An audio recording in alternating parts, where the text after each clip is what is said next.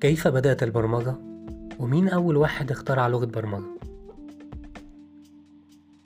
البرمجة مرت بمراحل كتيرة جدا عشان توصل للحال اللي إحنا عليه دلوقتي الحكاية بدأت من القرن التسعة عشر لما قام العالم البريطاني تشارلز بابينج بعمل أول جهاز كمبيوتر وسماه الآلة التحليلية بما إن ما كانش فيه ساعتها كهرباء فكان بيستخدم التروس والعجلات عشان يعبر عن الأرقام وكان بيتم تشغيل الجهاز عن طريق محرك بخاري بما إن جهاز الكمبيوتر من غير برامج هيكون عديم الفايدة قامت العالمة أدا ليفلس بكتابة أول خوارزمية في التاريخ وعلى الرغم من اختراع بابنج كان كبير جدا في وقتها إلا إنه بقى بالفشل في عمليات كتيرة جدا بيحاول يعملها.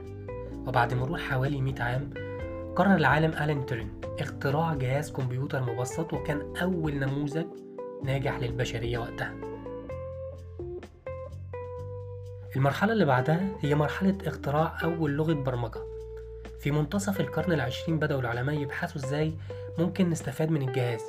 فكانوا بيبرمجوا الجهاز باستخدام لغة الآلة نفسها ولكن كان التعامل مع هذه اللغة صعب إلى حد ما. ابتدوا العلماء يفكروا إزاي ممكن نسهل العملية دي. هي دي النقطة اللي دفعت علماء البرمجة موريس ويلكس وديفيد ويلر ستانلي جيل إنهم يكتبوا كتابهم الشهير للتعريف بلغة ال assembly. وهي لغة قريبة جدا من لغة الآلة ولكن ما زالت لغة صعبة. لذلك في عام 1956 وصلنا لأول لغة برمجة high level واللغة دي كانت Fortran وما زالت تستخدم إلى الآن. استخدمت هذه اللغة في حل المعادلات الرياضية وغيرها. لكن دون الأجزاء الرياضية لم تكن بالقوة الكافية. وده اللي خلى العلماء يخترعوا اللغة اللي بعدها واللي اسمها COBOL.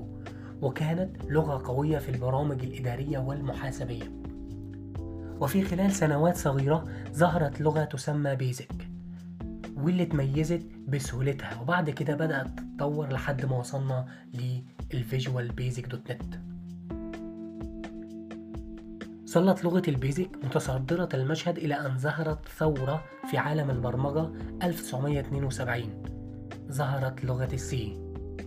وهي من أقوى اللغات البرمجية الموجودة لحد النهاردة. ولغة ال C هي اللغة الأم لعدة لغات زي السي بلس بلس وغيرها والتي تدعم ال OOP برأيك من هي أحدث لغة برمجة؟ تم اختراعها حديثا؟